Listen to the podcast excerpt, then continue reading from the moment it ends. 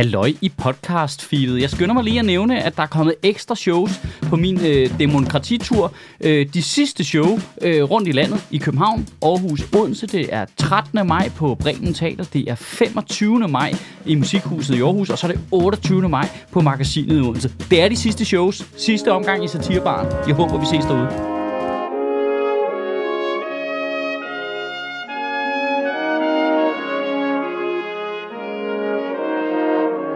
Goddag.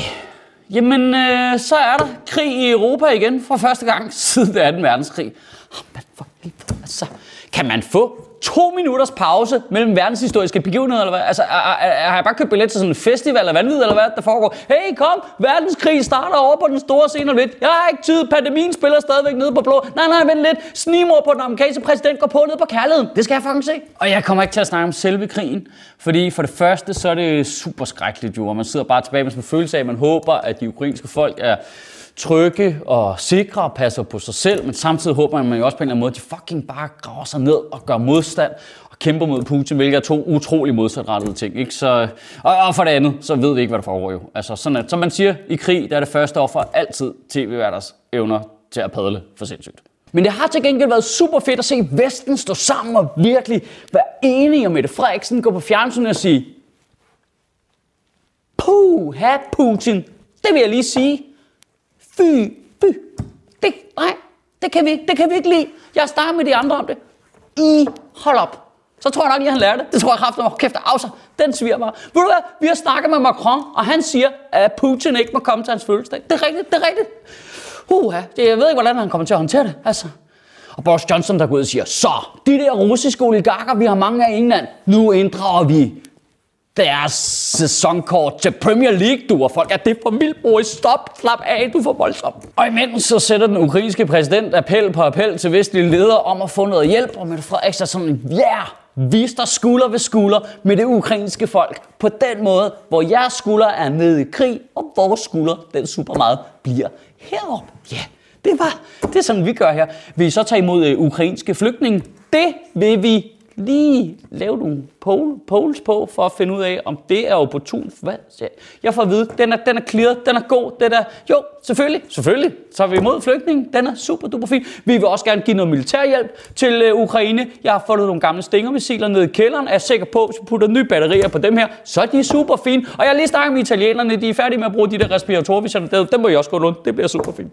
Jeg tror, hvis jeg var Ukraine umiddelbart, så ville jeg nok starte en falsk misinformationskampagne om, at russerne de har mink. Så skulle du kræftet mig se dem komme ud af starthunden. Det var ikke noget med at spørge nogen om lov. Så er soldater et sted med det samme. Bare lav falske videoer med, prøv lige at se russernes hatte, mand. Det er mink, det er mink på hovedet. Jeg kan ikke lade være med at tænke på, altså Ukraines præsident. Det er så skræk. Han var jo en komiker, der lavede sådan en sitcom tv-serie omkring at være præsident. Og så stiller han op til valget, og får alle de unge engageret i valget, og får væltet den der gamle semi-diktator-agtige type, de havde med den orange revolution, og bliver valgt til præsident. Og nu har han en lang dag. Lad os sige det sådan. Fuck, det er et skift. Han har bare gået fra at lave en sitcom til bare at bede for befolkningen om at gå ned i kælderen og hente våben og mobilisere sig og gøre sig klar til en fucking partisanerkrig. Fuck mig altså. Ej, men Michael Schøtz som statsminister. Jeg, jeg, jeg kan sgu ikke lide den dag, du. Personligt så glæder jeg mig sindssygt meget til at se, hvordan øh, konspirationsteoretikerne de forventer den her. Altså de såkaldte øh, fritænkere, der på mistænkelig vis ender med at frit tænke præcis det samme, som bliver, bliver delt for anonyme profiler på 8 Hvad kan vide, hvem der egentlig kunne have en interesse i den slags. Nå, det er nok ikke vigtigt. Jeg glæder mig i hvert fald til at finde ud af, øh, hvad de kommer op med. Det, jeg glæder mig allerede. Det bliver spændende at se dem side der. Nej, det er faktisk slet ikke en invasion fra Ruslands side. Det er nogle aggressive p-vagter. Jo, det er det. Det er fordi øh, uh, EasyPack i Ukraine, de rekrutterer lidt anderledes. Det er tidligere Spekters folk. Ja, det er sådan, er det. noget. Altså. Nej, det hele, det hele, det hele, mand. Det er en feministisk sammensværgelse. Det er fordi, de vil have alle mændene i krig, så kvinderne, de kan få bestyrelsesposterne. Tænk dig om, mand. og nu, nu ved man bare, at kommentarsporet bliver fyldt med de der spader der. Der er så et mistænkeligt mønster i, at jo mere du tager fejl, jo mindre kan du tåle at blive gjort grin med. Og så ved jeg godt, at det her det bliver lidt privilegie-egoistisk, men altså, jeg kan heller ikke lade være med at tænke på, at vi bare har en ung generation her i Danmark, der lige har været igennem to år med en fucking verdensomspændende pandemi, hvor alt bare har været kravalvorligt. Der var sådan, pas på, du ikke dræber din bedstemor, og alt muligt sindssygt, som børn og unge slet ikke skal tænke på. Og nu er der så bare krig i Europa for første gang siden 2. verdenskrig. Fuck, man altså.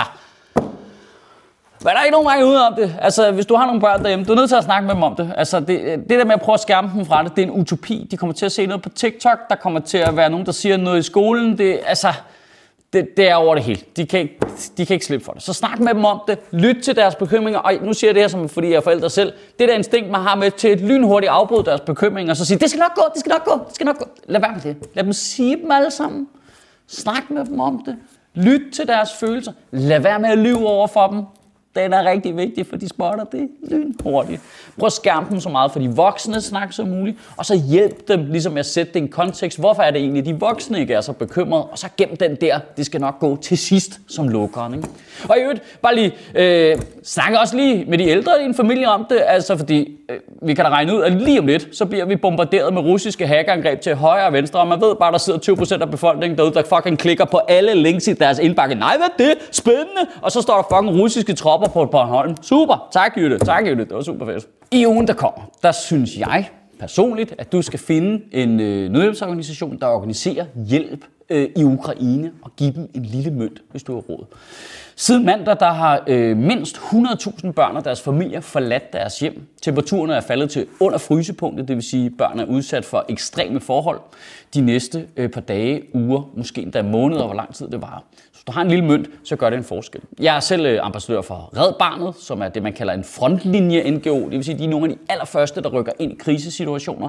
De har øvet sig på det i 100 år. Det er en kæmpestor international organisation, og de har arbejdet med lokale kræfter i Ukraine siden 2014 og giver øh, vinterhjælp og giver øh, kontante bidrag til øh, ukrainske familier, så de kan klare sådan helt basale ting som øh, mad og medicin, og de uddeler hygiejnekits og den slags.